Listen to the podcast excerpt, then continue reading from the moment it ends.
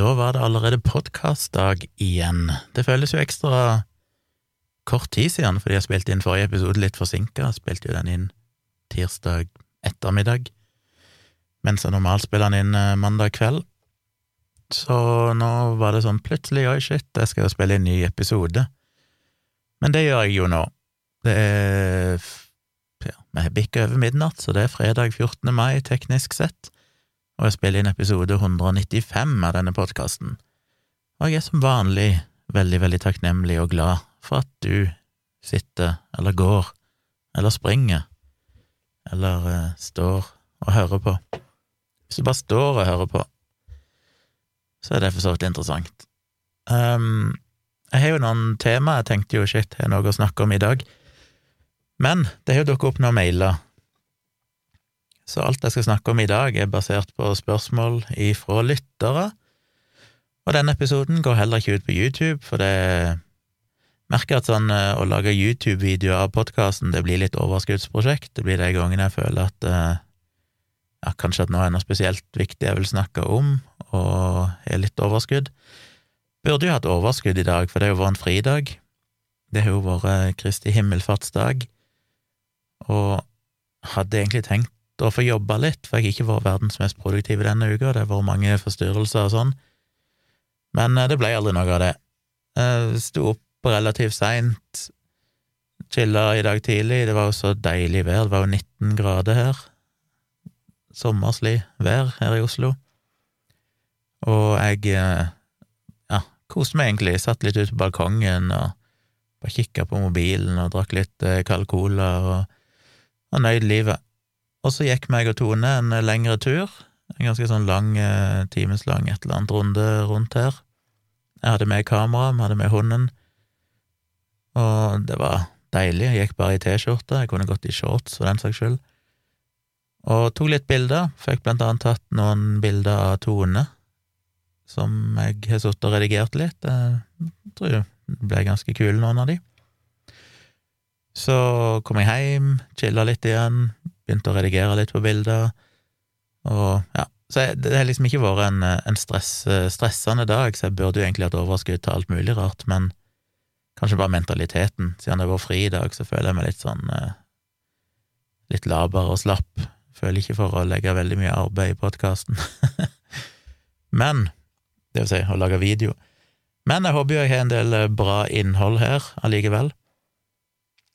Jeg har fått noen mailer, og jeg hadde lyst til å bare begynne med en mail som jeg fikk, som egentlig ikke er for podkasten, og jeg håper ikke jeg gjør noe galt med å lese den opp.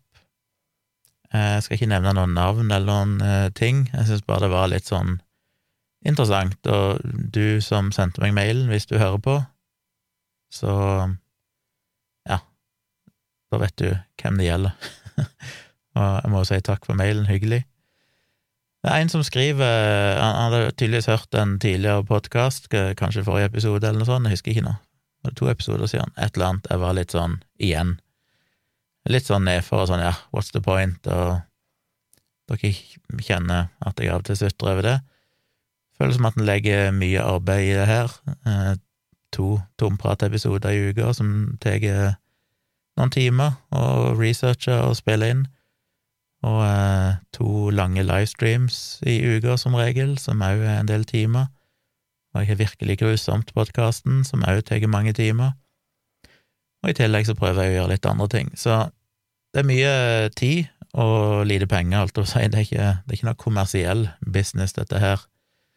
Som jo gir meg et sånn lite hjertesukk at eh, shit, hvorfor jeg ikke bare Hvorfor skriver jeg ikke bare en dilleblogg der jeg skriver masse piss og da ville jeg fått masse annonsører og bare drevet i alt av Ikke hatt noen ryggrad i det hele tatt, og bare tatt imot annonsører, for det, det er jo Ja, jeg blir bare deprimert når jeg ser folk på Instagram og sånn, som jeg øh, trodde, og som ofte i utgangspunktet er kanskje fornuftige folk, som jeg kanskje har sett litt opp til, eller trodde var kule folk, og så plutselig dukker de opp med reklame for et eller annet som er bare så åpenbart sånn denne posten er 100% konstruert fordi de har et produkt de skal fremme. Og det, jeg vet ikke, jeg mister bare respekten for, for de.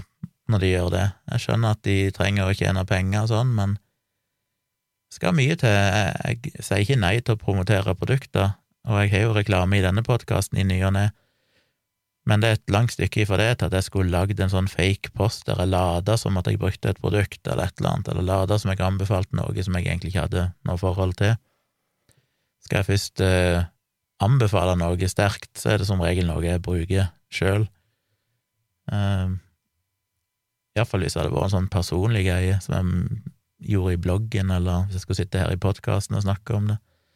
Og stort sett så har det jo vært ting, de tingene vi har laga reklamer for sjøl, har jo vært ting jeg faktisk kan stå inne for, og vi har jo ideologisk og sånn òg sagt nei til diverse annonsører som jeg følte at dette Ikke at det var noe direkte galt med det nødvendigvis, men det var bare ting jeg følte at jeg vet ikke om jeg føler så for å promotere dette.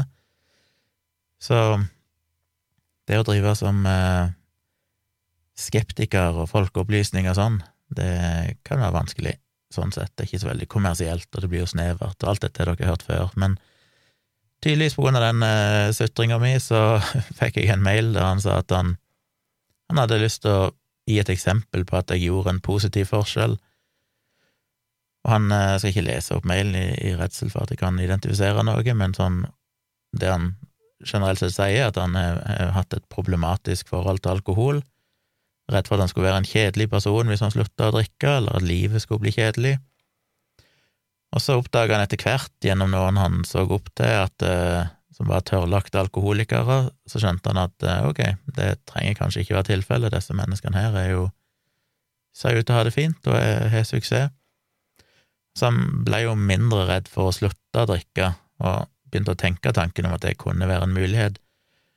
Men så hadde han hørt en episode jeg hadde av Tomprat, og det var kanskje en av livestreamene mine, der jeg hadde snakka om rus. Jeg husker det ikke sjøl, men dette er vel ting jeg snakker om flere ganger, i ideologisk og sånn, og snakka om hvordan jeg bare mimra om det å glemme tid vekk og bare sitte og programmere utover natta, som jeg ikke snakker om noen ganger, dette med å bare fordype seg helt i programmering, og, og tid bare forsvinner, og jeg kan sitte døgnet rundt og bare jobbe og bli liksom helt gira og rusa på det.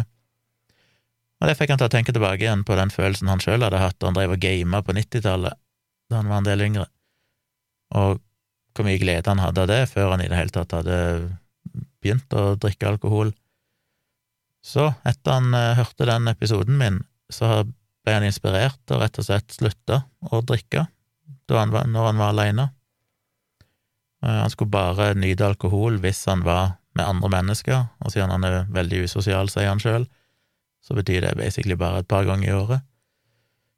Og ja, det gjenstår jo å se hvordan det vil gå, sier han, men han sier det er gått noen måneder uten alkohol nå, så det betyr at den episoden min eh, er jo tydeligvis for noen måneder siden. Og han merker at det er veldig bra, han sier livet blir bedre og bedre. Han stoler mer på seg sjøl, han føler han har mer energi, mindre angst, og han har en far som døde av alkoholisme, og dermed så var han jo naturlig nok bekymra for seg sjøl, for dette er jo arvelig, så vidt jeg har skjønt, så kan det fort være arvelige komponenter i dette. Og han sier det jo som sterkt, som at jeg muligens kan ha bidratt til å redde livet hans. Eh, livet er iallfall blitt betraktelig bedre, og hvis ikke han klarer å holde på dette med å drikke bare litt, sånn i sosiale lag, så kommer han til å slutte helt å drikke. Så nå tror jeg ikke at jeg har redda livet hans, og eh, til syvende og sist, med alle sånne ting, så er det jo den personen sjøl, det er jo han som har sendt meg mailen, som eh, har seg sjøl å takke. Det er jo han som tar avgjørelsene, det er han som gjør disse vurderingene. Så det er jo han som skal ha all eh, respekt eh, for seg sjøl, holdt jeg på å si. Respekten bør gå til seg sjøl, og takken bør gå til seg sjøl. Men det er jo kult å ha spilt en sånn bitte liten rolle, og kanskje ha sagt noe som inspirerte han til å tenke annerledes. Så ja, jeg vet ikke egentlig helt hvorfor jeg leste opp den mailen. Det er bare sånn når du får en sånn mail, så tenker du at shit, det er jo det er ganske heavy å gå ifra å være en som mener at du egentlig misbruker alkohol, til å slutte å drikke, og at en liten bit av det var at han ble inspirert av noe jeg sa i en livestream. Det er jo, er jo gøy. Så litt av poenget her er vel òg kanskje bare å gjør det som en liten oppfordring. Jeg mener, det er nok mange der ute, og kanskje andre av dere som hører på denne podkasten, som òg kanskje innser at dere har et problematisk forhold til alkohol eller andre rusmidler, og det kan kanskje bare være en liten sånn eh, historie om håp, det å oppdage at shit, eh, kanskje, kanskje det går an, kanskje du faktisk kan få det bedre ved å ikke drikke, kanskje du skal gå litt i deg sjøl og gå tilbake igjen i de fortida og se hva det egentlig som ga deg glede da du var yngre, før du oppdaga alkohol, og alt dette her som han her har gjort. For det er jo et eller annet med det at uh, det handler jo veldig ofte med sånne typer problemer om låg selvfølelse, frykten for at ikke du skal bli likt, frykten for at ikke du skal like deg sjøl. Det er lettere å ty til rus når du er aleine og kjeder deg, og det er jo en hard ting å komme over, det sitter jo veldig dypt. Så det at han kanskje da fant tilbake igjen til gaming, hvis han endte opp med det, eh, er jo en fantastisk ting, hvis du kan bruke tid di på noe bedre enn å ødelegge deg sjøl gjennom alkohol eller andre rusmidler. Og nå sier jeg ikke ikke drikk eller ikke bruk noen form for rusmidler, det er jo selvfølgelig grader av alt det. Poenget er at hvis du føler at det er på et nivå der du, du bruker det som medisin for å klare deg gjennom dagen, eller du oppdager at dette faktisk er problematisk for deg, påvirker livet ditt negativt, som jo kan være vanskelig å se, men eh, som noen av og til får et glimt inn i plutselig, og ser seg sjøl litt utenfra, så er det jo et problem. Og det er jo kult å se at han òg sier at Jeg mener, det er jo mange som sikkert drikker for eksempel fordi de har angst, eller fordi de føler at det er vanskelig, men det at han oppdager at det å ikke drikke faktisk har redusert angsten, gitt han mer energi, gitt han bedre selvfølelse, det er viktige ting å huske på. Det er jo ofte det en bruker alkohol for, nettopp å få de tingene, eller andre rusmidler. Så tenkte det var verdt å bare lese den mailen, og jeg vil jo egentlig bare si takk til han som sendte mailen til meg, håper han hører dette setter pris på, på det, både som en sånn lite blikk inn i livet til en annen person, hvordan alle har sine ting å stri med, og eh, selvfølgelig òg som en, en, hyggelig oppmuntring, fordi jeg hadde en liten rolle i å inspirere han til det. Så takk for det. Jeg har òg eh, fått en annen mail som, eh, fra en som sa han ville være anonym. Eller han sa vel kanskje ikke det. Han bare sendte han veldig anonymt fra en sånn anonym mailkonto og signert anonym lytter, så han sier vel implisitt at han vil være anonym. Og han, ja, kanskje jeg skal bare lese mailen, han sier Da jeg hørte på den siste episoden din, nummer 193, hvor du snakket om blodstopping og overtro, så begynte jeg å tenke på begrepet respekt. Respekt er et tema som fort blir aktuelt når man utfordrer andre på deres tanker og holdninger, men som jeg synes fort blir klisjéaktig og floskelpreget. Spesielt påstanden om at alle fortjener respekt, synes jeg fortjener en nærmere diskusjon. Dawkins har sin egen versjon, hvor han vel sier I respect you too much to respect your, your ridiculous ideas, uten at jeg er sikker på at det gir så mye mer mening. Jeg synes det hadde vært interessant om du kunne gjort deg noen tanker om begrepet respekt i podkasten din. Og så kom han med noen eh, spørsmål som jeg tenkte å gå gjennom, noen sånne eh, ting han egentlig ønsker å svare på. Når jeg forberedte dette, så tenkte jeg først jeg skal sette meg ned og tenke gjennom det og skrive og sånn, men så tenkte jeg nei, jeg liker jo, liker jo å ta den litt sånn på sparket, tenke litt høyt og se hva jeg kommer fram til. Eh, men det eneste jeg gjorde, var at jeg først og fremst google og sjekka hva er definisjonen av respekt, egentlig. Og Store norske leksikon sier at respekt betyr ærbødighet eller aktelse. Man kan vise noe eller noen respekt. Å sette seg i respekt betyr å kreve å bli vist respekt. Respekt kan også bety anseelse eller anerkjennelse, en person som vinner eller nyter respekt, er en person som får anerkjennelse. Noe det står respekt av, er noe som fortjener anseelse eller anerkjennelse. Så Store norsk leksikon sier at, altså at respekt betyr ærbødighet eller aktelse.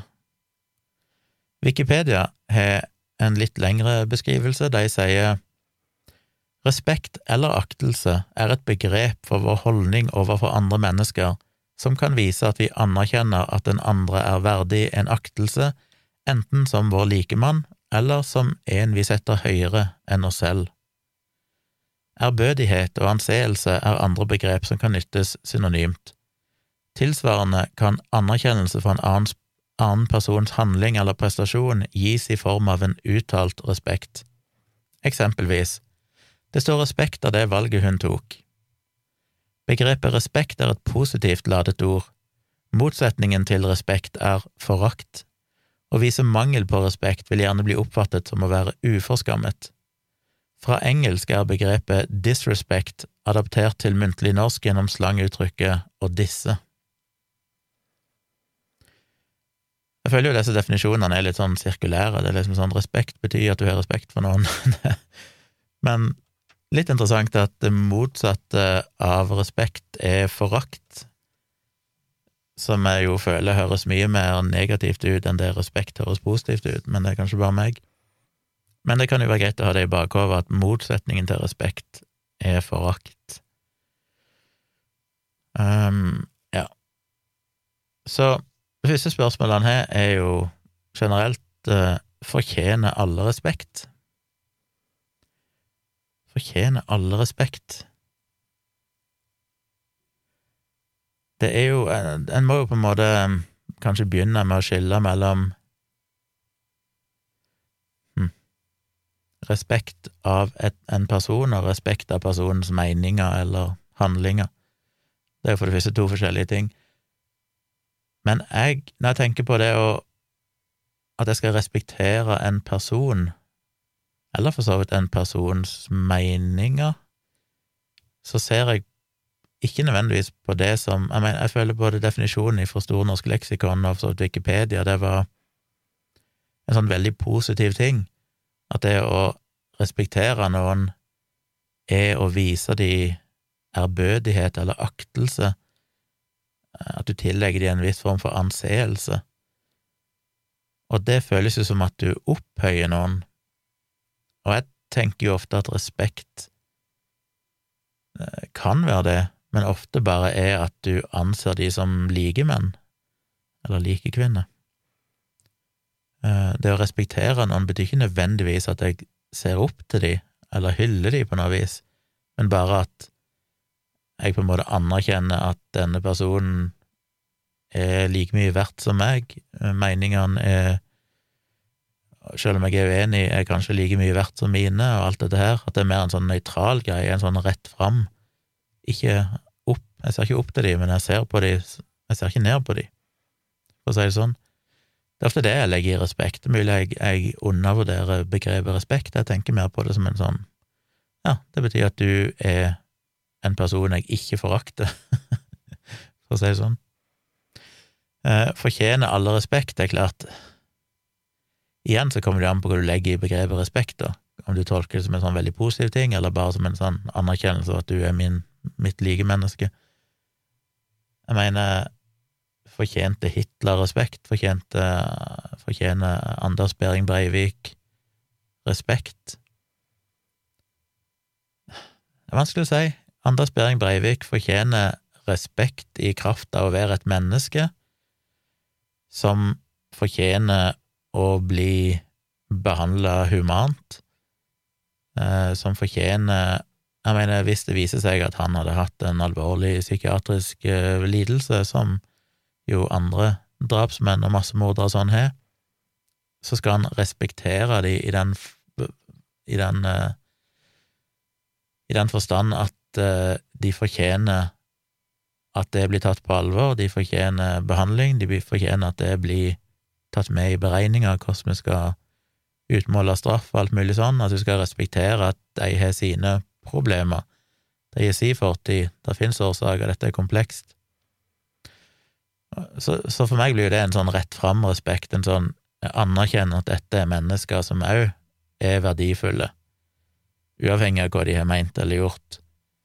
Men jeg respekterer de ikke i den forstand at jeg ser opp til de, at jeg tenker oi, dette, dette er folk jeg ser opp til, dette fortjener anseelse, i samfunnet. Det betyr jo selvfølgelig ikke. Så sånn sett så føler jeg jo at de definisjonene Ja, for så vidt Wikipedia sier jo at eh, at eh, det kan vise at vi anerkjenner at den andre er verdig en aktelse, enten som vår likemann eller som en vi setter høyere enn oss selv.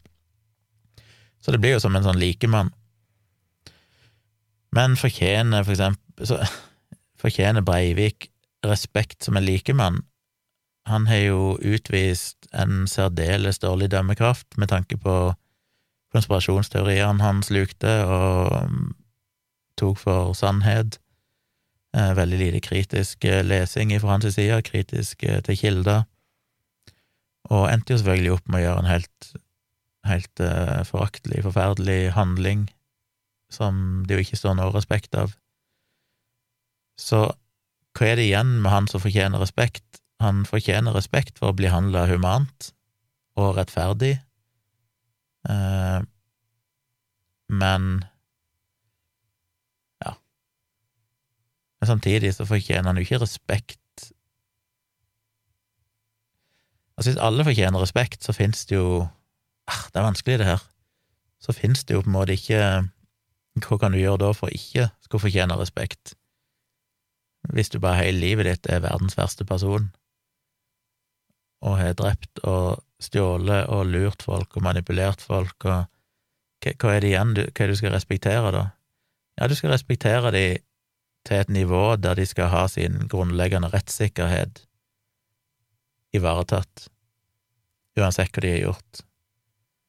Og han respekterer at alle har en fortid, alle har sine grunner til å gjøre ting, men det føles som en sånn misbruk av ordet respekt, for det er sånn, ja, ok, jeg anerkjenner ja, Er du egentlig min, min likemann hvis du velger å gjøre noe som er så forferdelig, eller bare oppfører deg som en dritt hele livet?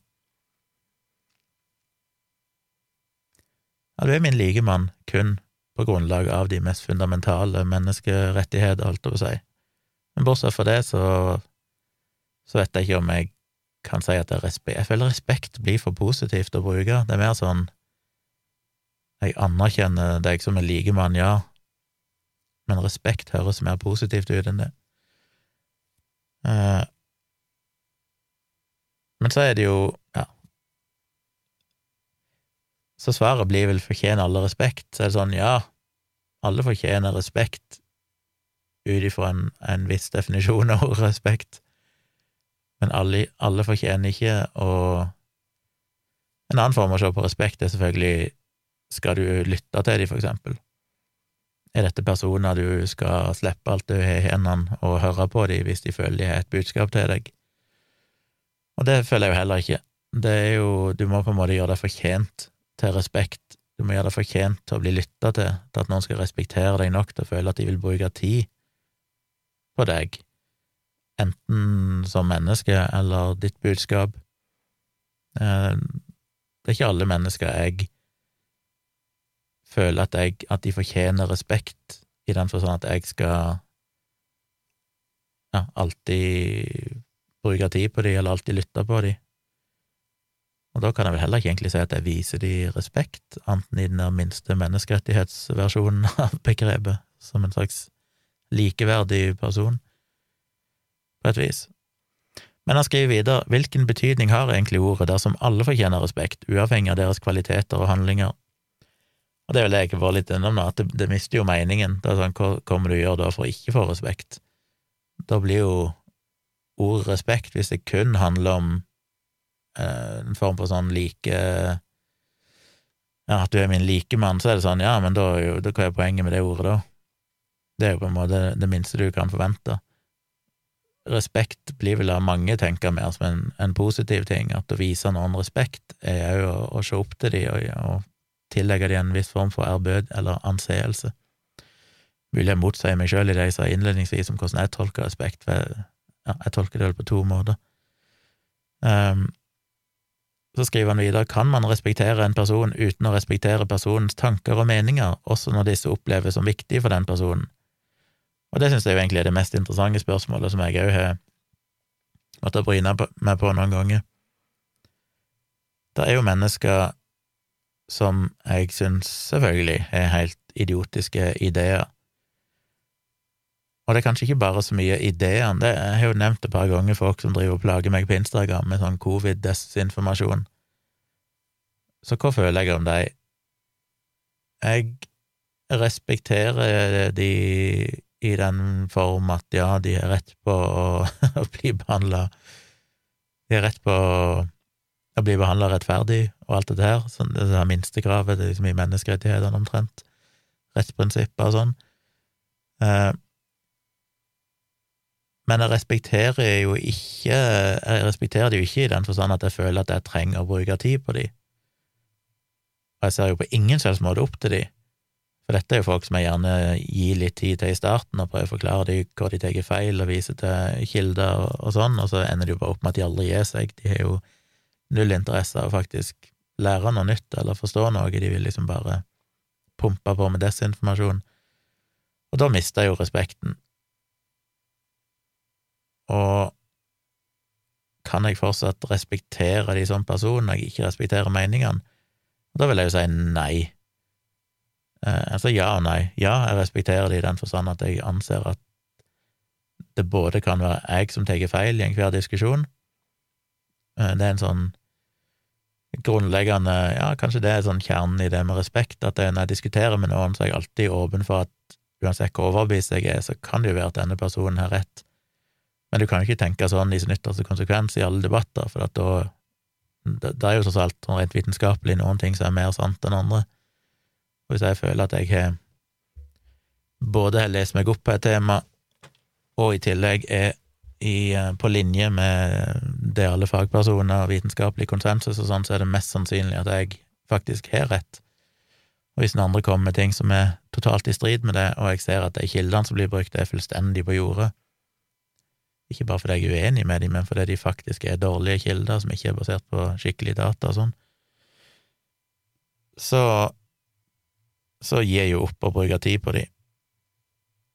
Og da har jeg jo mista respekten for dem. Jeg har mista respekten for På en måte respekten for at de ikke har vist meg nok respekt til å innse at når jeg bruker tid på en fremmed person som begynner å plage meg på Instagram eller noe sånt, og faktisk prøver å svare dem, og de da bare ikke gidder å høre på og bare fortsetter med de samme tingene som helt åpenbart er feil, så er det litt sånn, ja, da har jeg ikke noe respekt for den personen. Jeg vet ikke om det gir noe mening, det jeg sier nå. Føler det er så vanskelig å svare på det spørsmålet her. Um, men Men det kommer vel kanskje mer an på Jeg mener Det kommer litt an på hva en tror på. Hvis en tar sånn en person som er kristen, kan jeg respektere den personen, selv om jeg ikke tror det finnes noen Gud? Så kan jeg jo det. Uh, fordi krist, kristen tro kan være så mye, og det kan eh, være en 100% rasjonell person, selv om en er kristen. Men hvis du er en kristen person som er hellig overbevist om at jorda er 6000 år gammel, at evolusjon er en løgn, videre, at du eh, kommuniserer direkte med Gud hver dag, og du faktisk ser at, at Gud eh, svarer på dine bønner og alt mulig sånn, da, da føler jeg jo det er en sånn fundamental manglende evne til kritisk tenking. Og du har så fundamentalt manglende evne til å være kritisk til deg sjøl og dine egne opplevelser, at det sliter med å respektere personen. Det, det, det, er litt som spørsmålsstilleren her legger i premisset for mailen. Det er liksom opplest og vedtatt at det er en slags dårlig ting å ikke respektere noen. Jeg mener, enhver person, uansett hvor mye idioti de sier, så skal du respektere andres meninger. Men det jeg, jeg ser ikke helt verdien i det. Jeg ser verdien i det i den grad at alle skal være klar over at du kan være den som tar feil sjøl. Du skal ikke være 100 overbevist om at du har rett. Og sånn sett er det nyttig å si at du skal respektere andre meninger, du skal være villig til å lytte, og det føler jo jeg at jeg er. Jeg lytter jo til disse folkene som bombarderer meg med ting hele tida, men det er jo grenser for hvor lenge jeg trenger å lytte før jeg skjønner at ok, disse personene har faktisk ikke skjønt de her greiene. Um, og så spør han videre er det respektfullt å gå i klinsj med andres overbevisninger, og der er jeg mye inne på noe som jeg har snakka om tidligere, dette her med at sånn som Kari Jakkesson, som mener at det er Eller folk som mener at, er, at jeg har mobba Kari Jakkesson fordi jeg har lagt ut et par videoer der jeg diskuterer hennes påstander, eller at jeg har mobba Henriette Lien fordi jeg la ut en video der jeg var uenig med henne. Det vil jeg jo si er en fundamental misforståelse. Det er jo ikke disrespektfullt å være uenig med for eksempel Kari Jakkesson og så argumentere mot henne. Tvert imot så er vel det for meg definisjonen av respekt. Det er det at du sier at her kommer du med noen påstander som er totalt i strid med den beste kunnskapen og vitenskapen vi har, men jeg velger å bruke av min dyrebare tid til å gi deg en mulighet til å få korrekt informasjon, så her er den informasjonen jeg har å gi. Nå det høres jo det veldig cocky ut, men da snakker jeg jo om informasjon som er i tråd, på linje med det helsemyndigheter og, og vitenskapen eh, har kommet fram til. Så for meg er jo det respekt å faktisk ville motargumentere. Hvis jeg ikke hadde respektert dem, så hadde jeg bare sagt ah, hun der er så forbanna idiot, jeg gidder ikke, hun kan bare drive på med sine greier, så driver jeg på med noe annet. Men det å faktisk ta seg tid, jeg mener alle de timene jeg har brukt av mitt liv til å diskutere med vaksinemotstandere og andre i kommentarfelt og sånn, det er jo en slags Det er vel respekt, på en måte. Du sier at ok, det, du mener dette, men jeg tror du er misguided, jeg tror du er villeda, jeg tror du mangler informasjon og derfor er jeg villig til å bruke tid på å diskutere og prøve å forklare dette. For når jeg diskuterer, så sier jeg ikke bare at du tar feil, du er en idiot, det er jo på en måte ikke respekt, men det å si at jeg hører at du sier dette, men sjekk ut disse dataene, eller se på disse tallene, eller se på denne statistikken, så vil du se at det du sier, faktisk er feil. Det er jo for meg respekt, det å vise at jeg er villig nok til å lytte på deg, og villig til å bruke tid på å prøve å gi deg bedre informasjon så for meg er det å respektere noen. Det er derfor jeg, som jeg har sagt tidligere, jeg aller helst skjønner at folk kan si det å mobbe noen. Det vil være å mobbe hvis du bare utelukkende harselerte med noens meninger. Men det å faktisk sette seg ned og prøve å motargumentere, er jo det motsatte av mobbing. Det er jo faktisk å si jeg respekterer at du har disse meningene, og det ønsker jeg å, å komme med mitt eh, tilsvar til. Så det er jo en, en form for respekt i seg sjøl. Så jeg vil jo si at det er respektfull å gå i klinsj med andres overbevisning, definitivt, så lenge du gjør det på en saklig måte, selvfølgelig. Uh, og så skriver han som siste spørsmål er det respektfullt å jatte med noen uten å gi tydelig uttrykk for uh, hva en selv tenker om deres tanker og ideer. Og det er jo òg et vanskelig spørsmål. Hvis noen kommer, det har jo jeg opplevd mange ganger, folk skal komme bort til meg og fortelle meg at du, jeg eh, opplevde sånn og sånn, et eller annet eh, spøkelse i et hus en gang, og det kan jeg ikke forklare, og det er jeg helt overbevist om var ekte, så bla, bla, bla. Eh, hva er det som er mest respektfullt? Er det da å si at eh, hei, du, jeg tror faktisk du tar feil, eh, her er mine alternative hypoteser for det du egentlig opplevde? Eller er det bedre å si noe sånt som at ja, det, det er jo mye en ikke kan forklare alltid her i, i verden, for å bare slippe den diskusjonen, og gi en slags inntrykk av at du anerkjenner at det de har sagt, er kanskje rett, at deres opplevelse er korrekt. Jeg vet ikke om det finnes et fasitsvar på det, jeg føler jo begge deler kan være respektfullt, litt avhengig av situasjonen, spesielt når det gjelder ting som er, stikker litt dypere, sånn som religiøs tro. Så tenker jeg jo, jeg mener, jeg har jo sjøl en bror som er veldig kristen, og jeg tenker jo på en måte at det er respektfullt Det å vise en slags respekt til han og være klar over at han er jo ikke dum. Det er ikke som at ikke han har hørt motargumenter før. Det er neppe sånn at hvis jeg begynner å diskutere med han, så kommer jeg til å, å gi han en åpenbaring som gjør at han får kaste sin religiøse tro, for det handler jo om noe helt annet enn fakta uansett, den trua. Og da er det kanskje mest respektfullt å si at det, eh, vi vet at vi er uenige med hverandre, men vi gjør ikke det til en, et tema som skal ta opp tid, og eventuelt skape noen form for uvennskap eller fiendskap.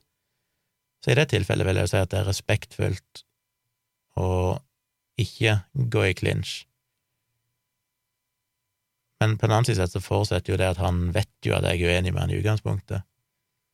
Men det hadde jeg ikke trengt å gjort. Jeg mener, jeg har jo møtt folk, jeg òg, som kanskje har begynt å snakke om, om ting, og som jeg har sagt mange ganger før, jeg er jo ikke en person som er så superglad i å diskutere med folk face to face, for jeg føler at det ofte blir vanskelig, fordi en har ikke mulighet til å faktasjekke ting fortløpende, og ofte er det vanskelig å huske de detaljer og argumenter, så jeg liker jo bedre å gjøre det skriftlig. At jeg føler det tar altfor lang tid. Skal jeg virkelig ta den debatten, så må vi liksom gå hele veien. Da kan jeg ikke bare komme med et par one-linere, altså. Jeg føler at i de aller fleste situasjoner så er det ikke nok tid til å ta en sånn debatt muntlig, og da vil jeg helst bare la være å begynne på det, for det føles så utilfredsstillende å ikke virkelig få gjort det skikkelig. Så det er definitivt situasjoner der ikke jeg har giddet å gå inn i debatten og bare late som at eh, Bare smile omtrent og humre litt, eh, som om jeg er med på deres lag. Ikke sånn nedlatende humring, men sånn liksom ja, der er du et godt poeng-type humring og så gidder jeg bare ikke å, å, gjøre noe nummer ut av det. Og det, det, er umulig å svare på om det er respekt. Det er respektfullt i den forstand at da har du ikke kasta bort tida deres på noe som de sannsynligvis ikke ville ha fått endra mening av allikevel på den tida. Um, det er kanskje respektfullt å tenke at ja, å ha den ydmykheten og si at jeg kommer nok neppe til å endre hans sine meninger hvis jeg begynner å diskutere dette over, en, over middagsbordet. Uh, så det, det, er jo en slags respekt, det òg så kan en si at det er disrespektfullt at du forleder den personen, men er det egentlig det? Jeg vil vel ikke si det. Det kommer igjen jo helt an på situasjonen. Hvis det var en sånn helt avgjørende for et eller annet at han visste hvor han hadde deg, eller hun visste hvor hun hadde deg, så kan det jo være disrespektfullt, men i de aller fleste sammenhenger så har det jo ingenting å si for den relasjonen. Og så er jo relasjonen også, jeg, da, er det en person du bare treffer en gang over et middagsbord, eller er det noen du faktisk eh, er på date med, og du har falt for, og hun har falt for deg, og, og du ikke er helt ærlig om at du er totalt uenig i ting hun mener og står for, da vil jo det være disrespektfullt, fordi du eh, Du sier vel kanskje implisitt at hvis jeg At jeg er så sikker på at jeg har rett, at hvis jeg åpner for den diskusjonen, så kommer det til å ødelegge, fordi at da må du, da må jeg innse at du tar feil, eller da må du enten anerkjenne at du tar feil, eller så blir det vanskelig å ha dette forholdet, eller et eller annet sånt. Komplisert, det er mange måter å se det på. Så ja, det var noen tanker om det. Jeg hører jo veldig gjerne hva dere mener om det. Send det til tompratpodkast at gmail.com. Podkast med C, altså. Tompratpodkast i ett ord. At gmail.com. Eh, hva tenker dere? Fortjener alle respekt? Kan du respektere en person hvis du er totalt uenig i meningene eller handlingene? Jeg, etter jeg har sittet her og ranta i 20 minutter eller noe sånt om det, så har jeg jo ikke egentlig kommet fram til noe godt svar, tror jeg.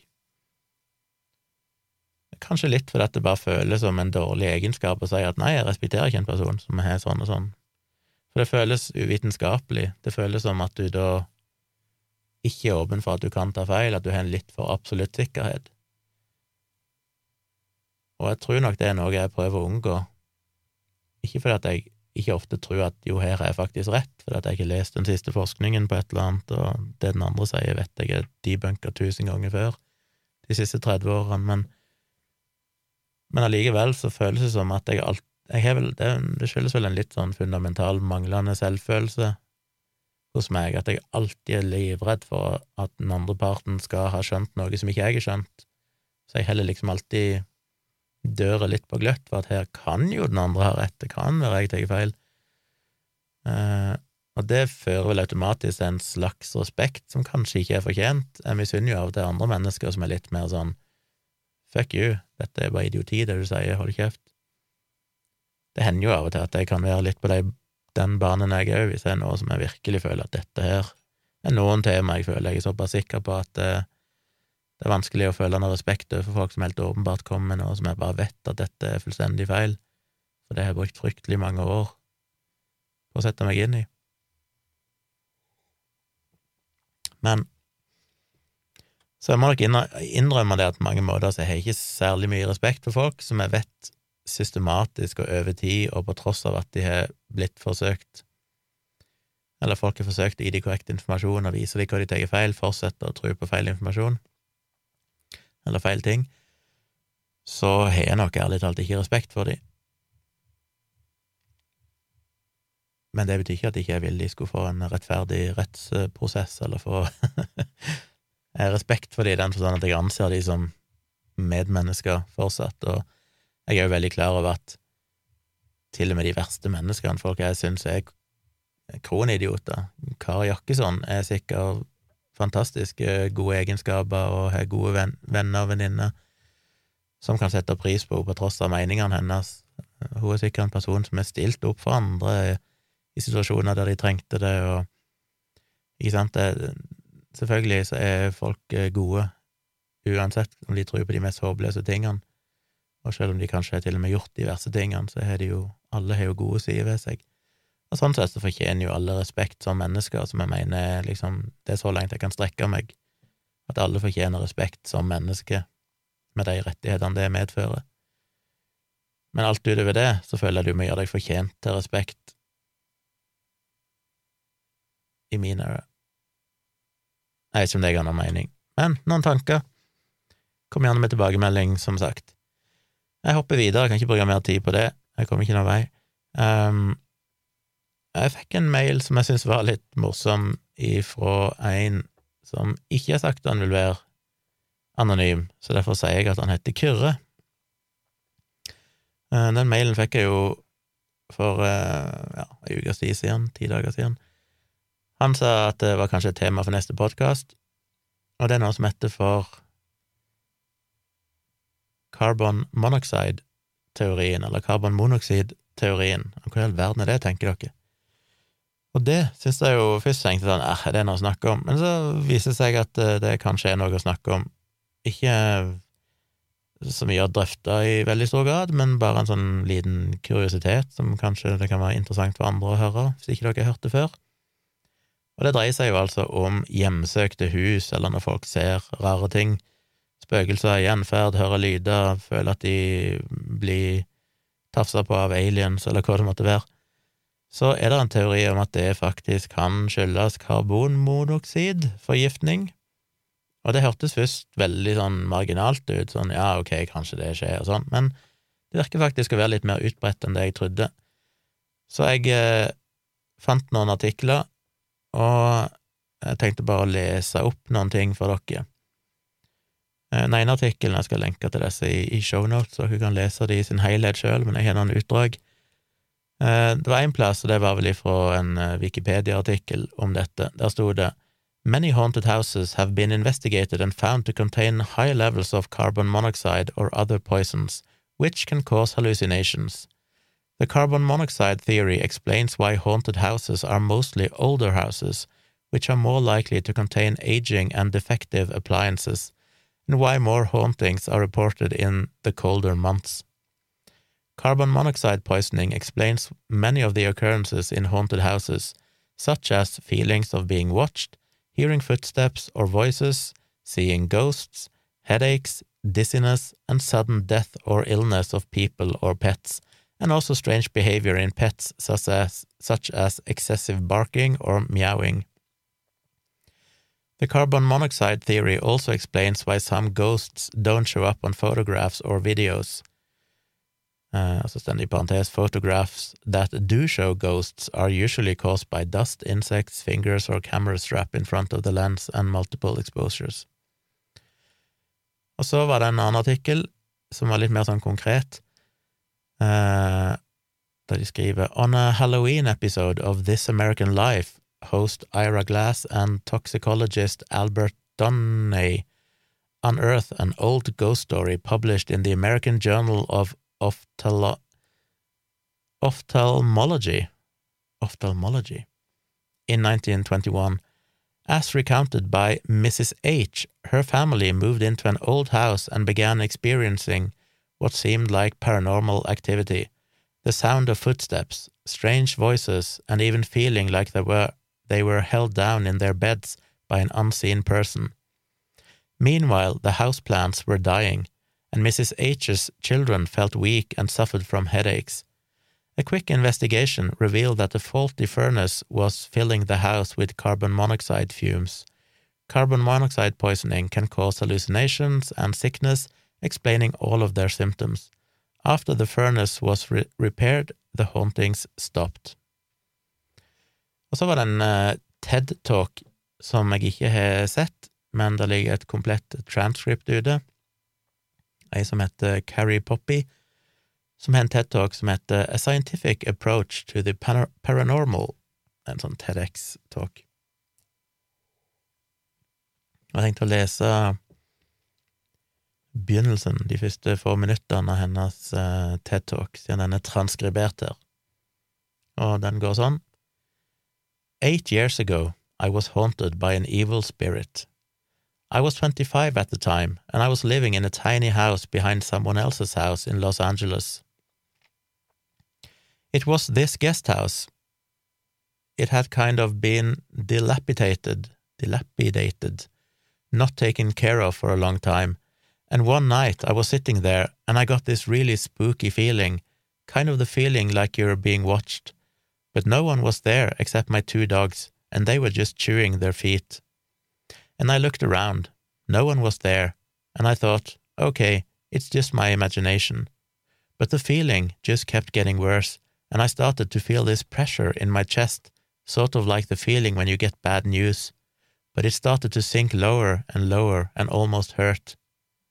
And over the course of that week, this feeling got worse and worse, and I started to become convinced that something was there in my little guest house, haunting me. And I started to hear these sounds, this whoosh kind of whisper, like something passing through me. I called my best friend Claire, and I said, I know this is going to sound crazy, but, um, I think there's a ghost in my house, and I need to get rid of it. And she said, She's very open minded, and she said, I don't think you're crazy. I think you just need to do a cleansing ritual. So get some sage and burn it, and tell it to go away. So I said, Okay, and I went and bought sage. I had never done this before, so I set the sage on fire, waved it about, and said, Go away! This is my house. I live here. You don't live here. But the feeling stayed. Nothing got better. And then I started to think, okay, well, now this thing is probably just laughing at me because it hasn't left, and I probably probably just look like this impotent, powerless thing that couldn't get it to go away. So every day I'd come home, and you guys, this feeling got so bad that, I mean, I'm laughing at it now, but I would sit there in bed and cry every night, and the feeling on my chest got worse and worse. It was physically painful, and I even went to a psychiatrist and tried to get her to prescribe me medicine, and she wouldn't just because I don't have schizophrenia. Okay. So finally, I got on the internet and I googled hauntings, and I came up on this for- forum of ghost hunters, but these were a special kind of ghost hunters. They were skeptics they believed that every case of ghosts that they had investigated so far had been explained away by science. And I was like, okay, smart guys, this is what's happening to me, and if you have an explanation for me, I would love to hear it. And one of them said, okay, um, have you heard of carbon monoxide poisoning? And I said, yeah, like gas poisoning. Carbon monoxide poisoning is where you have the gas leak leaking into your home.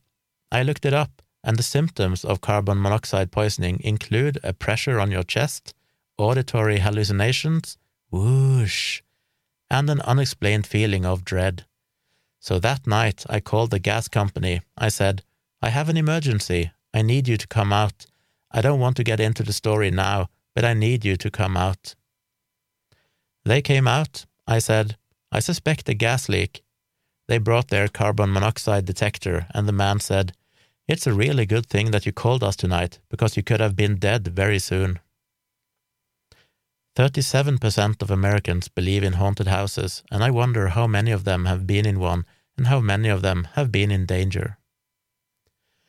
Og så fortsetter hun da med å skrive litt mer om disse her skeptiske spøkelsesjegerne som egentlig har gode forklaringer på ting.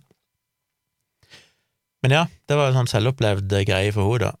Og det er jo interessant at det nok kanskje da kan forklare en, en del. Selvfølgelig så kan du ikke bruke den forklaringen på alt. Det finnes jo så mange andre grunner til at folk opplever sånne ting. Eh, og den viktigste er jo bare måten som jeg snakka om før, hjernen konstruerer virkeligheten vår, hvordan vi kobler alle sanseinntrykk mot en slags mønstergjenkjenningsdel i hjernen som prøver å, å, koble det opp mot et eller annet vi forstår hva er. Når du ser et eller annet, når du hører et eller annet, så blir det matcha mot et eller annet. Det skjer vel med språket. Når du hører en lyd, så blir det matcha mot et sånt språksenter som finner ut å ja, det er den personen som der hva hei, og så vet du hva hei betyr. Altså. Og sånn er det jo med alt du sanser. Og de gangene du ser noe som du ikke umiddelbart finner en match på, hjernen klarer ikke å matche det opp mot et eller annet forståelig, så vil hjernen ofte finne det som er mest nærliggende. Hjernen vil alltid ha svar. Hjernen vil alltid finne mening med ting.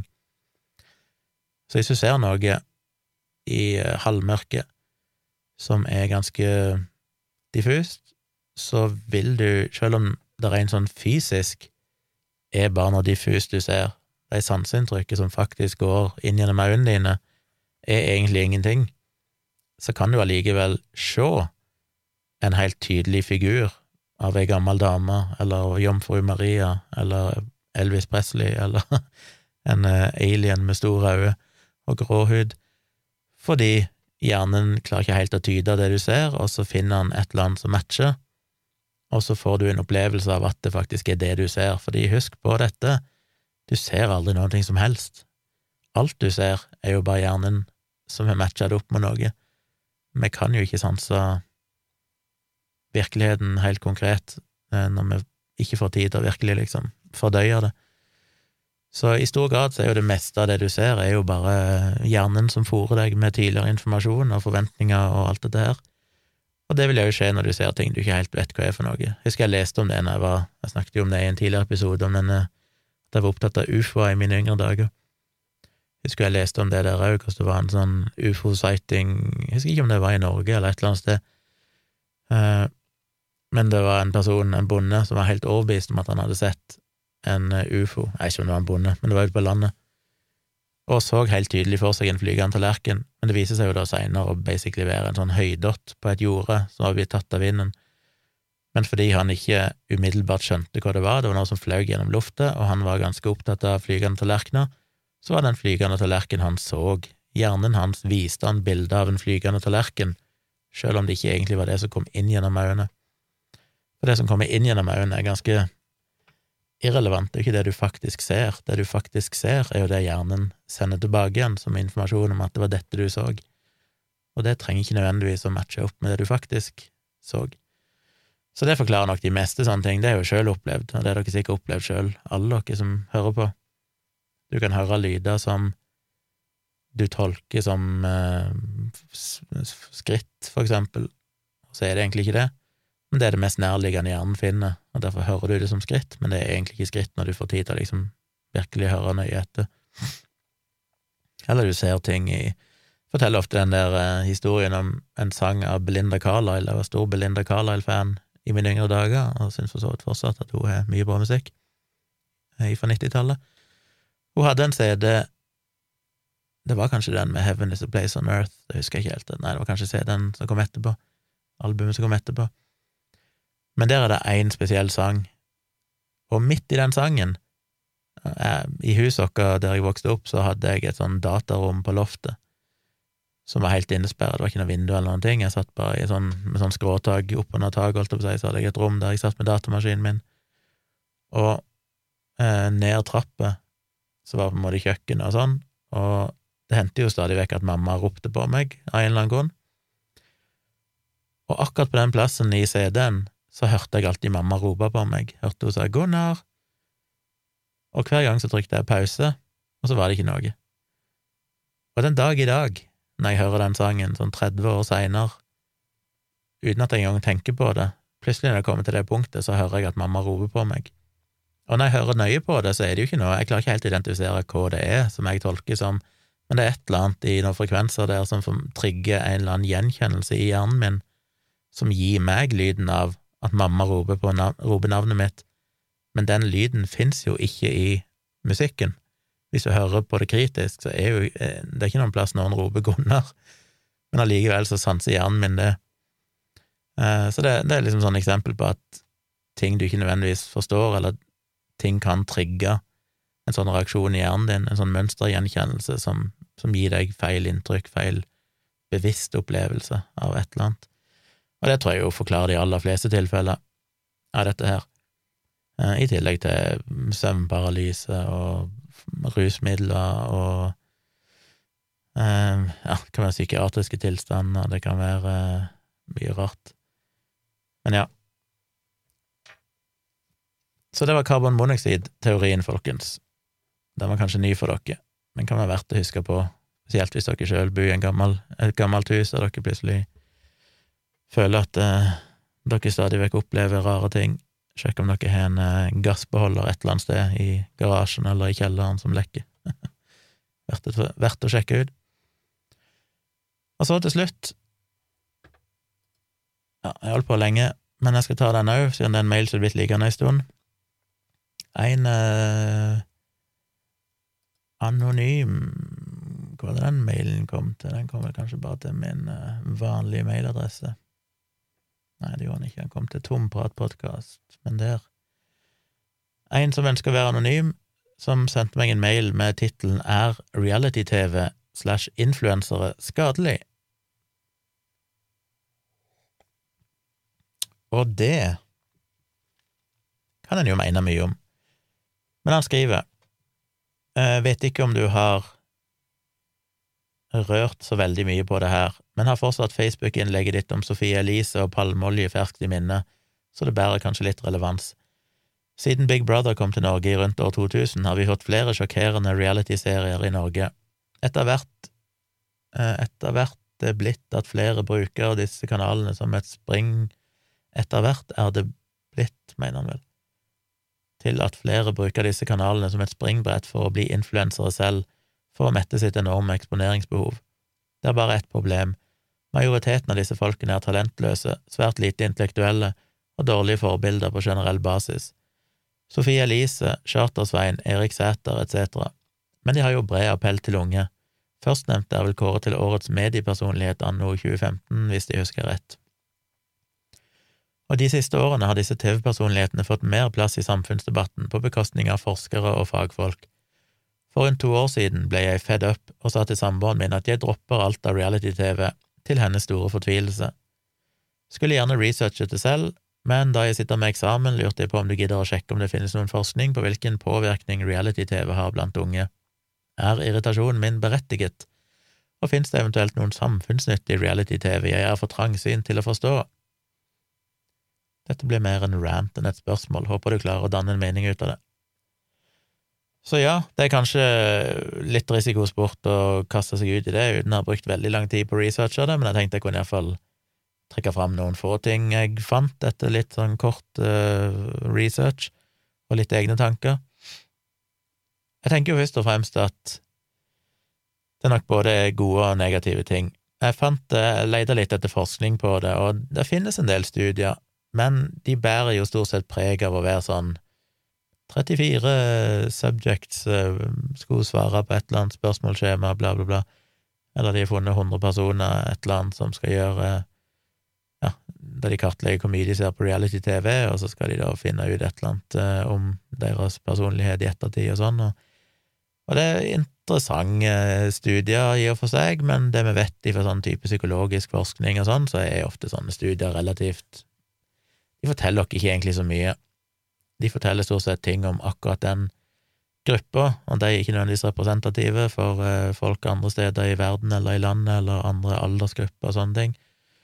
Eh, og ofte så har de en tendens til å finne det de vil finne, i stor grad, i sånne litt mindre studier der de gjerne har en hypotese, og det er ikke så veldig rigid gjennomført, dette her. Så det finnes mye sånne studier, men det finnes òg andre som er litt mer tyngde, men det blir litt som med forskningen på liksom er, er datas, voldelige dataspill før det til at ungdommer blir mer voldelige. Generelt sett så vel svaret der nei, sannsynligvis ikke i det lange løp, eh, men det finnes fortsatt sikkert mye studier som peker i retning at de gjør det, og det kommer litt an på hvordan du utformer studiene, og hva du egentlig vil finne. Så jeg, det, synes det er vanskelig å si noe ut ifra forskningen, Men jeg, jeg prøvde å finne en, en review-artikkel, og som jeg snakket om før, så kan en review-artikkel, det er jo gjerne bare en sånn kunnskapsoppsummering, som ikke nødvendigvis er en si, korrekt konklusjon. Det er ikke en studie i seg sjøl, det er jo mer en eller annen forfatter som ønsker å, å si at ok, dette er det vi vet på dette tidspunktet om dette spørsmålet.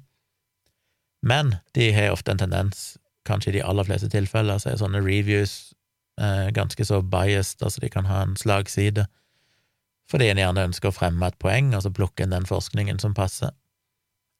Og som sagt, i en review, i motsetning til en sånn systematisk eh, kunnskapsgjennomgang eller systematisk eh, litteraturgjennomgang, systematic review, der de faktisk på forhånd definerer kriteriene for hvilke studier som skal inkluderes og sånn, sånn at det skal bli mest mulig objektivt, som jeg snakket om i en tidligere episode, litt mer grundig, så har jo ikke en vanlig review det kriteriet, så derfor står de mye mer fritt til å plukke den forskningen som passer de. Men jeg tenkte allikevel en review kan være interessant på i forskjellige sammenhenger, sånn som nå, der jeg bare ønsker å danne meg et lite bilde av ok, hva er det egentlig som finnes der ute. Og jeg fant eh, spesielt én review som var litt sånn omfattende, den har en tydelig negativ slagside, så ikke ta det for noe sånn fasit på noe selvsvis. vis. Det bærer nok preg av at her har de prøvd å finne, være kritiske til reality-TV, så de har trukket fram mye, men det er liksom kildeanvisninger, de baserer seg jo på forskning, men det er ikke nødvendigvis et representativt utvalg av forskningen. Men det de finner, det, det som gjorde den reviewen litt interessant, var at de delte det opp i tre ting. De delte det opp i skade på deltakeren, skade på seeren og skade på samfunnet.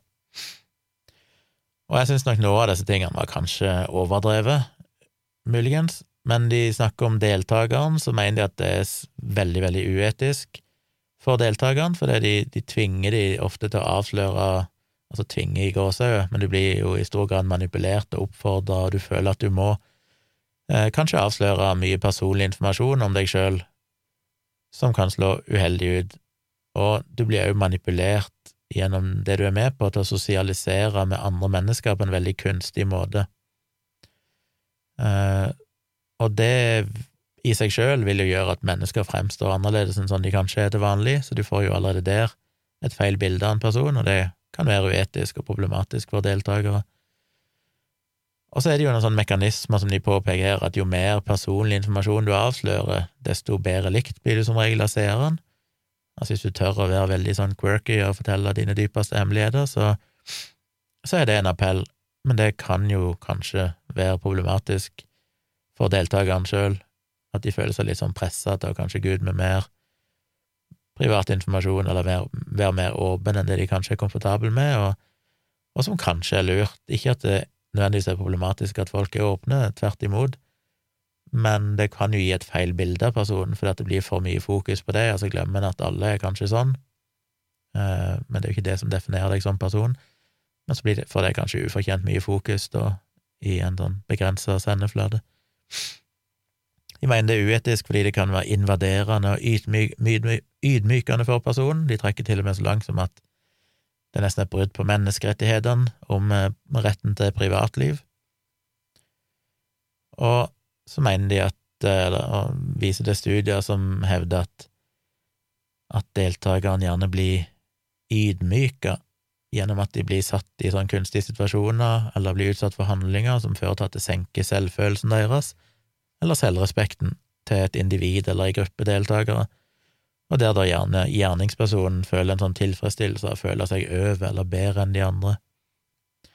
Og det har en slags ond sirkeleffekt, at hvis du føler deg ydmyka sånn, så vil du kanskje gå lenger i å tilpasse deg seerens ønsker, du vil liksom bli populær, og kanskje gå lenger igjen da i å avsløre og være mer åpen enn det du kanskje burde være, og så videre. Så det, det, ja, det kan være en greie.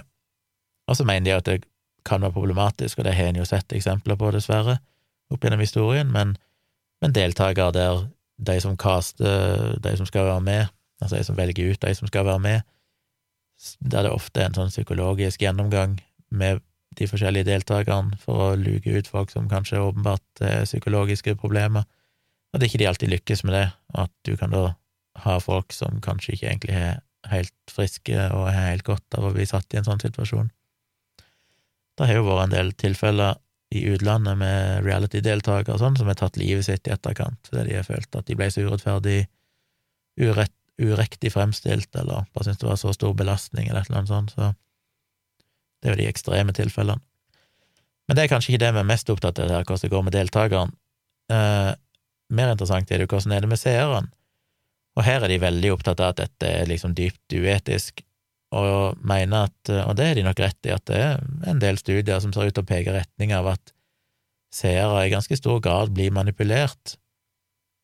Eh, en blir utsatt, eller de som er deltakere i sånne reality-serier, fremmer jo ofte det som noen vil kalle for uetiske verdier, som materialisme, og det kan gi låg selvfølelse til seeren, og de kan forherlige rusmiddelbruk. Ikke minst så kan det føre til mye misnøye med kropp, og det er fordi at, dette gjelder spesielt yngre seere ofte, ser på ting som uh, The Kardashians eller andre, det, det er nok mer utbredt, kanskje, i utlandet, jeg kommer ikke på i farten noen sånn type, ja jo, jo, selvfølgelig sånn Paradise uh, Hva heter det? Paradise Hotel? Ja, alle sånne her Love Island, disse her seriene her, som jo gjerne har veldig flotte mennesker med fine kropper og muskler og slanke og sånn, at det er mange seere som ser på dette og ofte tenker at dette er vanlige mennesker, dette er sånn vi burde se ut, du identifiserer deg med de, og gjør at du da føler deg mindreverdig sjøl fordi du ikke er så, så slank eller så fitt eller så mye muskler som de personene.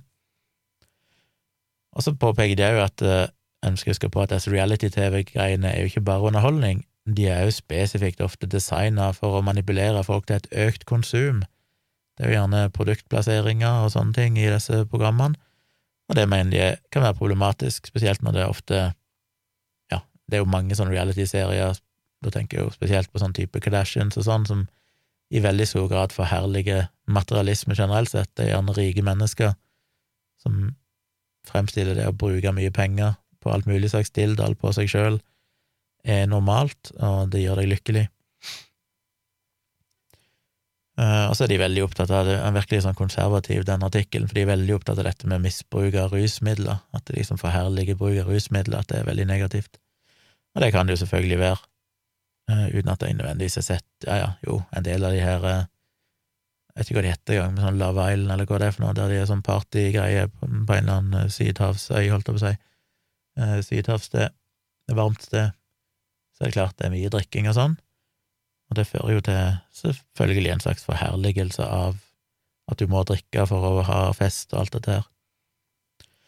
Og så peker de på problemer for samfunnet, der de sier at generelt sett så kan det føre til at seerne tror, som jeg nevnte tidligere, at reality-TV fremstiller verden sånn som den er, og at de verdiene som er der, er det som er det riktige, og det kan jo da gjøre at, at det påvirker verdier til folk i en negativ retning, fordi ofte i disse reality-programmene så er det ikke de beste verdiene, for de er jo konstruert for å fremme konflikter, av og til vold, baksnakking, eh, konspirering mot andre, eh, klantilhørighet, alt opp folk mot folk, alt dette her, og det er jo ikke sunne verdier, men det blir ofte fremstilt som at det er sånn det fungerer. Og det har de sett i studier på unge jenter, som ofte føler at, at det med baksnakking og, og sånn er veldig vanlig, at det er sånn det fungerer. Du skal baksnakke og sladre på andre og sånn, fordi de ofte har, har sett det gjennom reality-programmer. Um, og så påpeker de òg at unge mennesker ofte kan se deltakere som gjerne tjener mye penger og oppnår stor suksess, uten å egentlig ikke ut og jobbe noe særlig hardt for det. Og det fører òg til feil inntrykk av hva som egentlig er suksess i livet, hva som gjør deg lykkelig, og hvordan oppnår du suksess i livet. Så det er studier som peker i retning av, jeg vet ikke hvor gode de studiene er, jeg har ikke pløyd gjennom de i detalj, men de viser til referanser som sier at det virker som at når du måler ut ifra hvor mye reality-TV folk konsumerer, så virker det som at de som konsumerer mest reality-TV, i større grad òg føler at det de ser på reality-TV, er det som representerer normalen, sånn som verden er, sånn som mennesker oppfører seg. Så generelt sett så mener de jo at reality-TV i stor grad flytter litt grenser og former moralen til folk. Og når jeg først leste det, så tenkte jeg sånn, ja, gjør det egentlig det? Men så begynte jeg å tenke sjøl, sånn konkret, jo, det gjør jo selvfølgelig det.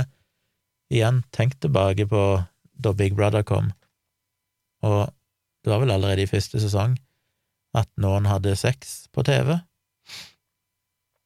og det var jo en enorm greie på det tidspunktet. Det hadde vel basically aldri skjedd før, at det ble vist at noen vanlige mennesker, unscripted, faktisk hadde reell seksuell omgang på TV. Ikke at de viste noen sånn kjønnsorganer i bevegelse og sånn, men du så de vel under dyna, at de faktisk hadde tydeligvis hadde sex under dyna i et mørkt rom, hvis jeg husker det riktig. Og det skapte jo fryktelig mye oppstyr, og ingen hadde gjort det før. Men hvor er vi i dag? I dag er det jo ikke en eneste realityserie, jeg på der de ikke allerede første kvelden så har de, jo, har de seg med trikanter og jentesex og guttesex og alle kombinasjoner av sex. Og jeg syns jo det for så vidt er helt topp, jeg elsker jo alt som normaliserer sex og prøver å gjøre det mindre skamfullt og tabu, eh, så lenge folk vet hva de driver med, alt jeg seg, og det er frivillig.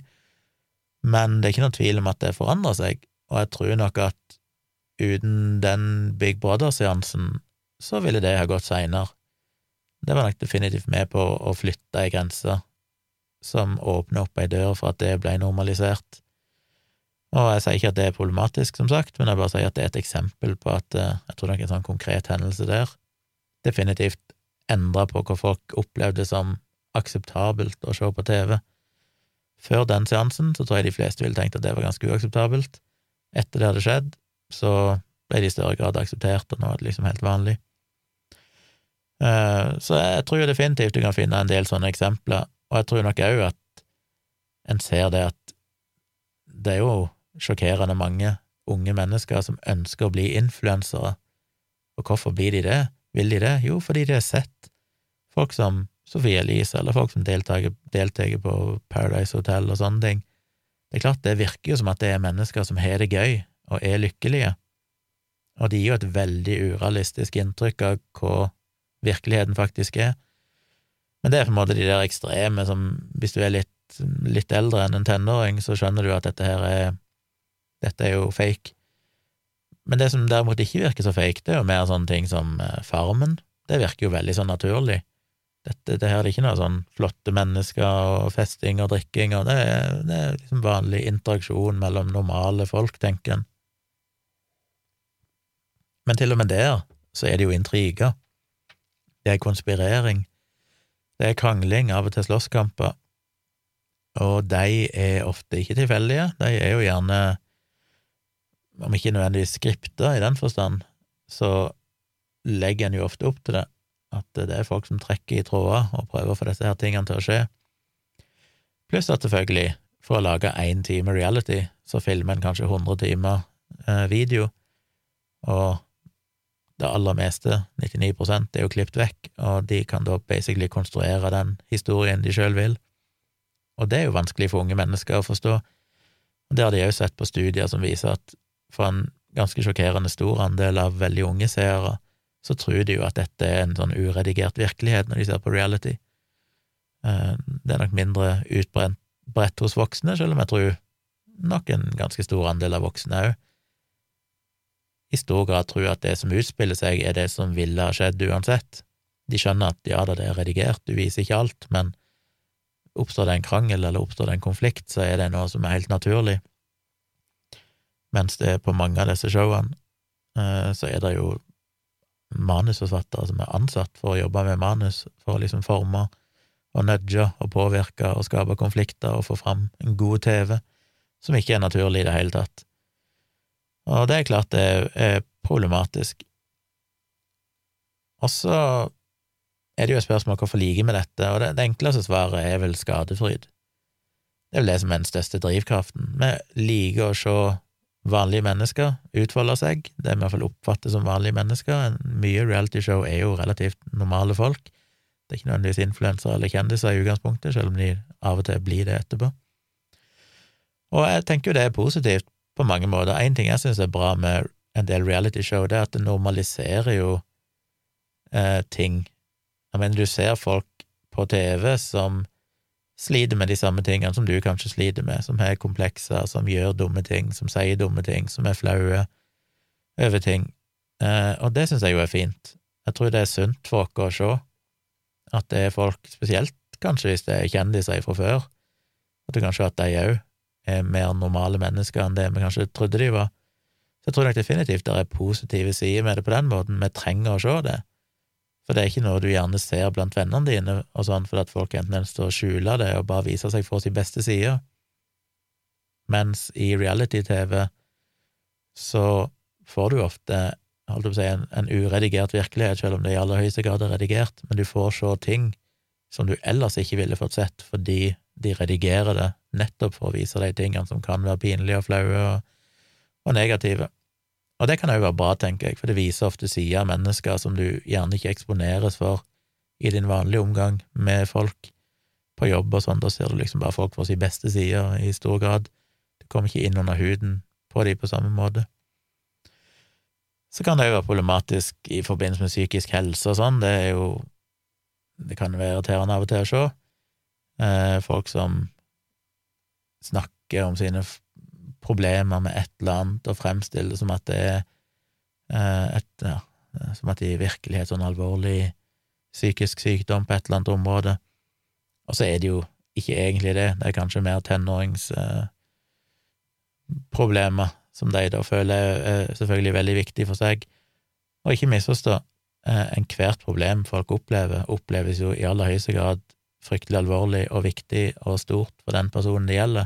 Det, går, det er vanskelig å sette noe sånn at mitt problem er større enn ditt problem. Det er ikke det jeg mener, men det kan gi et slags urealistisk bilde av forskjellen på sånn reell psykisk sykdom som fører til en reell diagnose, og det som ofte kan bli litt sånn ja, oppblåst fordi det er som jeg sa tidligere, du kan føle deg pressa i den situasjonen til å være interessant og fremstå med, med sida av deg sjøl som gjør at du peker deg ut, som er en del av det der uetiske aspektet som ble trukket fram tidligere, at deltakerne kan bli utsatt for ting som er, er uetisk, og det kan presse fram et behov for å liksom fremstå frem med et eller annet sånt som ikke nødvendigvis kanskje er så alvorlig som du liker å gjøre det til. Og det, det kan gi folk et urealistisk syn på både hva psykisk sykdom er, selv om det i aller høyeste grad òg kan være positivt på akkurat samme grunnlag, at folk som faktisk sliter med ting, som står fram med det, det har jo vært veldig positivt de siste årene, at det har blitt mer synlig, det har blitt mer normalisert, det har blitt mindre tabu. Uh, men jeg tenker jo, det jeg av og til ser i sånne serier, det er jo at de som sliter med sånn, får veldig god hjelp. Når Linnea Myhre går til en eller annen kjendispsykolog og får liksom den beste behandlingen, så jo det, føles jo det litt sånn urettferdig når den, de fleste som kanskje trenger hjelp, må vente i måneder og år, og kanskje får en mer eller mindre mindre kompetent person som Så det er et eller annet med det òg, at du glorifiserer det òg litt, liksom, hva det faktisk innebærer, men eh, det er jo ikke hennes feil på noe selvs vis, og det må man jo bare leve med, kanskje. Så ja, det er nok den følelsen at vi liker å tenke at åh, for en idiot, jeg ville aldri gjort noe så dumt. Det er som den følelsen som ofte driver at folk blir interessert i reality-TV. Problemet med disse studiene er jo at det blir gjerne en sånn høne og egg-dilemma. Er det folk som allerede har en stor interesse for de tingene, eller som allerede er opptatt av er materialistiske og sånn, som ønsker å se på The Kardashians eller andre sånne show, som er veldig materialistiske, eller blir de mer materialistiske av å faktisk se de showene? Og det er jo en, en svakhet i disse studiene, at det er veldig vanskelig å vite hvilken vei effekten går. Uh, og det er ofte veldig mange variabler, det er derfor jeg ikke legger så mye vekt på de studiene, at jeg velger å trekke fram noen studier spesifikt, fordi ja, det er ufattelig komplekst å kunne identifisere ting som handler om personlighet og sånn, og, og, vri fra hverandre alle de faktorene som påvirker et menneske i løpet av en dag, og prøve å isolere det til liksom bare reality-TV, for eksempel. Det tror jeg er vanskelig så derfor er det nok komplisert forskning. Men svarte jeg på spørsmålet til han som sendte meg mailen um, Jeg tenker nok at um, det er Jeg syns det er vanskelig å svare på det, for som sagt, forskningen er ikke veldig entydig, og den vet jeg ikke hvor god er. Og mitt perspektiv blir veldig begrensa, fordi at jeg tror nok jeg, registrerer jo at det finnes nok mye mer reality-programmer der ute enn det jeg egentlig er klar over, og sikkert mye mer sånn junk-TV enn det jeg egentlig i det hele tatt vet det eksisterer. Og jeg tror nok mye av de her seriene kan være negative for spesielt unge. Eh, en av de få tingene jeg har sett på i Norge, er jo sånn som de her bloggerne, som jeg ironisk nok faktisk syns er underholdende. Litt fordi at jeg er sånn åh, han er så jævla teit, eller hun er så dum, se hvor dumme de er. Men òg fordi det selvfølgelig er, utspiller seg i eh, en plass jeg kjenner igjen i Oslo delvis, og det er folk jeg kjenner indirekte via andre, eller kjenner sjøl, eller har møtt og sånn. Så det blir jo mer nær, nært enn liksom Kardashians og sånne ting, som er fryktelig fjernt. Og det er jo litt mer jordnært med bloggerne. Det viser jo folk ifra gode og dårlige sider. Det eneste jeg kan tenke meg der, er jo at det gir nok litt inntrykk av at det å bli liksom ei populær blogger, populær influenser, både er mer glamorøs enn det det egentlig er, for det viser jo et veldig redigert versjon av livet, som kanskje fremstår som at det stadig vekk skjer spennende ting, selv om de glemmer vekk at det er kanskje filmer over et halvt år eller et år, og så er det komprimert ned til ja, kanskje én eller to timer per deltaker, jeg vet ikke hvor mye det blir til sammen, men det er ikke mye tid hver person får i løpet av en sesong, totalt sett. Og da er det klart, hvis de hadde tatt ditt vanlige, kjedelige liv og filma hele året og komprimert ned bare høydepunktene, så kunne du nok fått et par timer med god TV av det òg. Så det gir jo et slags feil inntrykk, og det kan òg gi litt feil inntrykk av hva de egentlig har gjort for å komme der de er. Det virker jo litt som at de bare er sånn De har de rette klærne, og de går på de rette festene, og derfor er de blitt populære influensere, mens i realiteten så er jo mange av de jobba hardt. med Linnea Myhre, skrevet bøker og blogga i mange år, og veldig åpen og ærlig, aktiv på Twitter. Det har liksom tatt mange år før hun kom til et nivå der hun ble i går så influenser, i den forstand at hun er med i bloggerne og sånne ting. Det er ikke noe hun har fått gratis. Så det kan òg gi et veldig urealistisk bilde av akkurat det. Og så tror jeg jo den siste og kanskje mest alvorlige negative tingen er jo bare det at vi blir veldig påvirka av media, i den forstand at hvis du ser noen på TV, så får de automatisk respekt, for å gå tilbake igjen til det respektspørsmålet. Eh, ikke nødvendigvis sånn at du, du har tro på de, eller er enig med de, eller liker de, eller noe sånt, men, men til og med en person du ikke liker, som du syns er dum, som er på TV, vil du gjerne på en måte ta mer på alvor enn en random person på gata du aldri har sett før. Altså, hvis du gjenkjenner en person og blir eksponert for et ansikt over lengre tid, så vil du automatisk føle at den personen har en form for makt, og har en form for autoritet.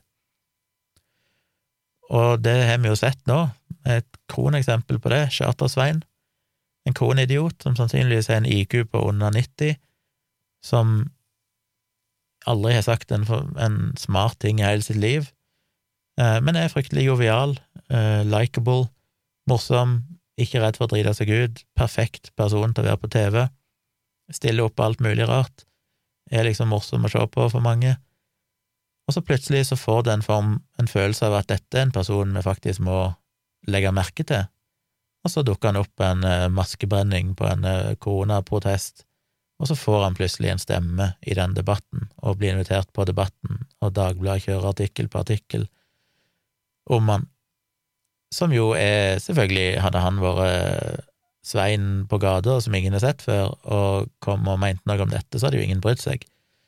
Så det er jo det som er problemet, at fordi du er på TV, selv om det ikke er noen ting med det temaet du faktisk ender opp med å, få en stemme i, sånn som her i denne covid-debatten, det er jo ingenting av det han har gjort i løpet av alle årene han har vært på TV som har hatt noen ting med pandemi og folkehelse å gjøre, eh, bortsett fra at han har vel lefla litt med alternative ting tidligere, men eh, men allikevel, når det er plutselig noe han engasjerer seg i, og det er et aktuelt tema, så får han plutselig en, en form for autoritet som han selvfølgelig ikke fortjener. Litt det samme med nevnte eksempel med Sofie og palmeolje, det at hun skriver en bloggpost som ikke inneholdt noe informasjon om palmeolje, enten at hun viste noen bilder av nedbrunnet regnskog og en, en sjuk orangutang eller noe sånt, og sa boikott eh, påskeegg med palmeolje, så ble hun en autoritet på det området, selv om hun innrømte jo sjøl, med sine egne ord, så sa hun at hun visste jo ingenting om dette, hun kan jo ingenting, hun bare følte en form for emosjonell respons på at hun syntes det var trist, og så følte hun at dette må vi gjøre noe med. Eh, og det er jo selvfølgelig problematisk, fordi hvis en sånn person da kommer med et eller annet budskap som er fullstendig feil og farlig, som vi jo har sett tidligere med vaksiner, for eksempel, Jenny McCarthy eller Sølje Bergman eller De får jo plutselig Jeg mener, når har jeg fått to sider i avisen der jeg har fått det faktisk i samme artikkel som Sølje Bergman for noen år siden, i et svært oppslag i VG. Men generelt sett så får jo de personene mye mer presse enn det en person som meg får for å faktisk snakke, drive med folkeopplysning. Og det er jo problematisk at de som da ikke faktisk vet noen ting om disse temaene, allikevel får lov å dele sine meninger fordi de er kjent for noe helt annet, og folk kjenner de igjen. Det er klart det er problematisk.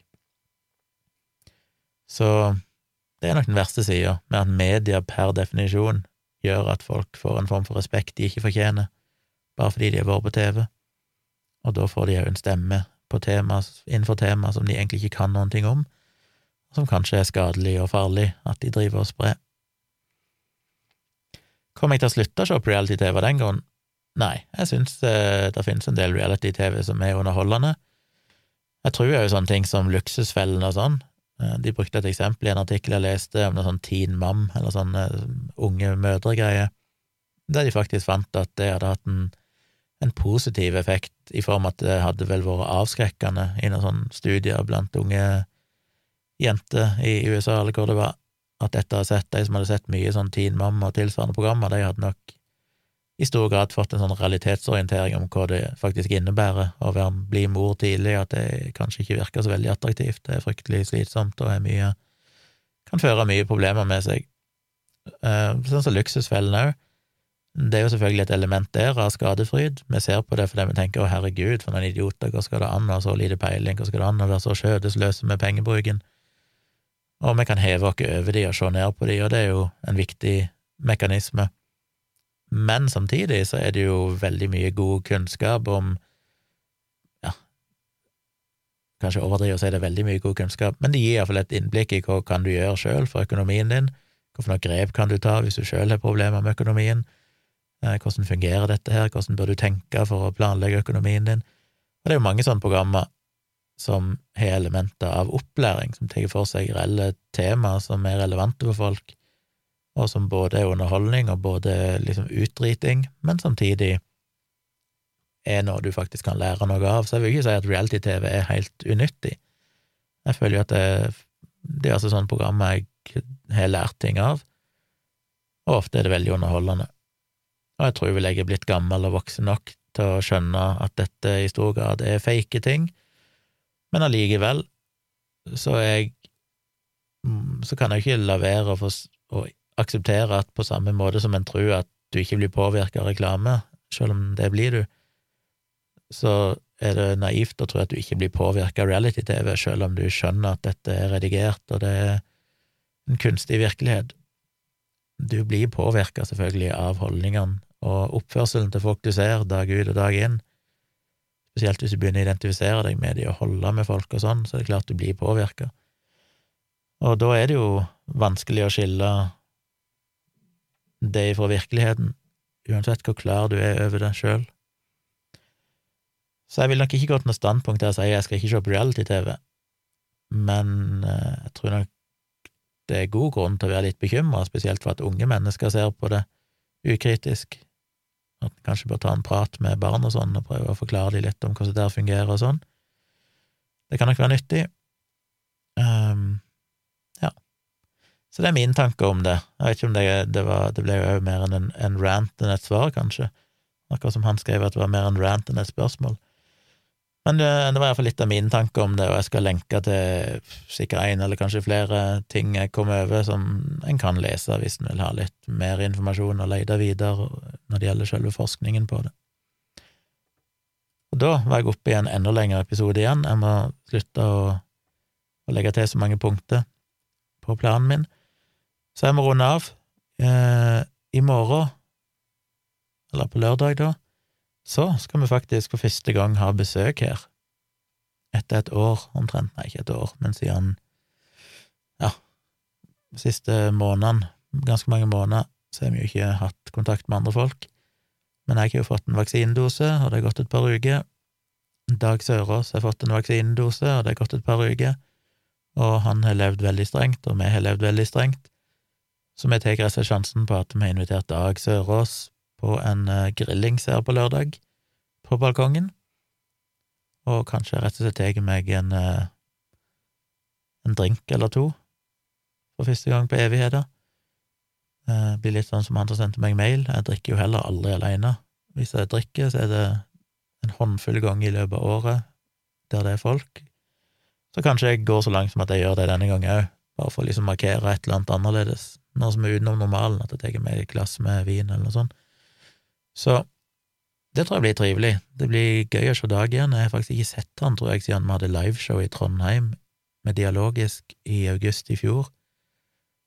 Og da vi skilte veier da, så tror jeg det var siste gang, eller var vi i studio en gang etter det? Uansett, iallfall tidlig i fjor høst en gang var siste gang jeg så han. Så det blir trivelig å se han igjen. Så det gleder jeg meg til. Det blir faktisk herlig, og en liten sånn steg mot noe som føles som en slags normal igjen, det å ha besøk av noen. Det er jo Jeg har jo bare prata med Tone det siste halve året, basically, bortsett fra når jeg sitter og prater med meg sjøl i podkast eller livestream, men sånn face to face, bortsett fra hei og hallo på butikken og sånn, så har jeg jo ikke hatt en samtale med en annen person face to face, så det er jo ganske absurd. Månedsvis. Men ja, da er iallfall det å se fram til. Det eh, blir kanskje en livestream i kveld, altså fredag 14. mai på kvelden. Kjører kanskje en livestream, så dukk gjerne opp på det, det er alltid gøy. Ny episode av Virkelig grusomt slipper vi vel på mandag, selv om det er 17. mai, så tipper jeg vi slipper den, vi har ikke noe annet å gjøre. Så kommer det vel en ny tomprat igjen på tirsdag. Ja, send meg mail på tompratpodkast.gmail.com. Sjekk meg ut på patrion.com slash tjomli, og bli veldig, veldig glad hvis dere vil støtte meg der. Eh, når ikke jeg kan drive og rosablogge og tjene penger på annonsører og sånne ting, så hjelper det jo veldig at jeg får litt støtte fra lytteren. Eh, jeg aner ikke om det er reklame i denne podkasten. Hvis det er det, så tjener jeg vel teknisk sett penger på annonsør, men det er ikke mange kroner, for å si det mildt. Så jeg trenger den støtten jeg kan få. Så veldig kult om dere vil støtte meg der. Eh, ja, kom på livestream, så ses vi der. Da avslutter jeg uten noen god slutt, men ha det.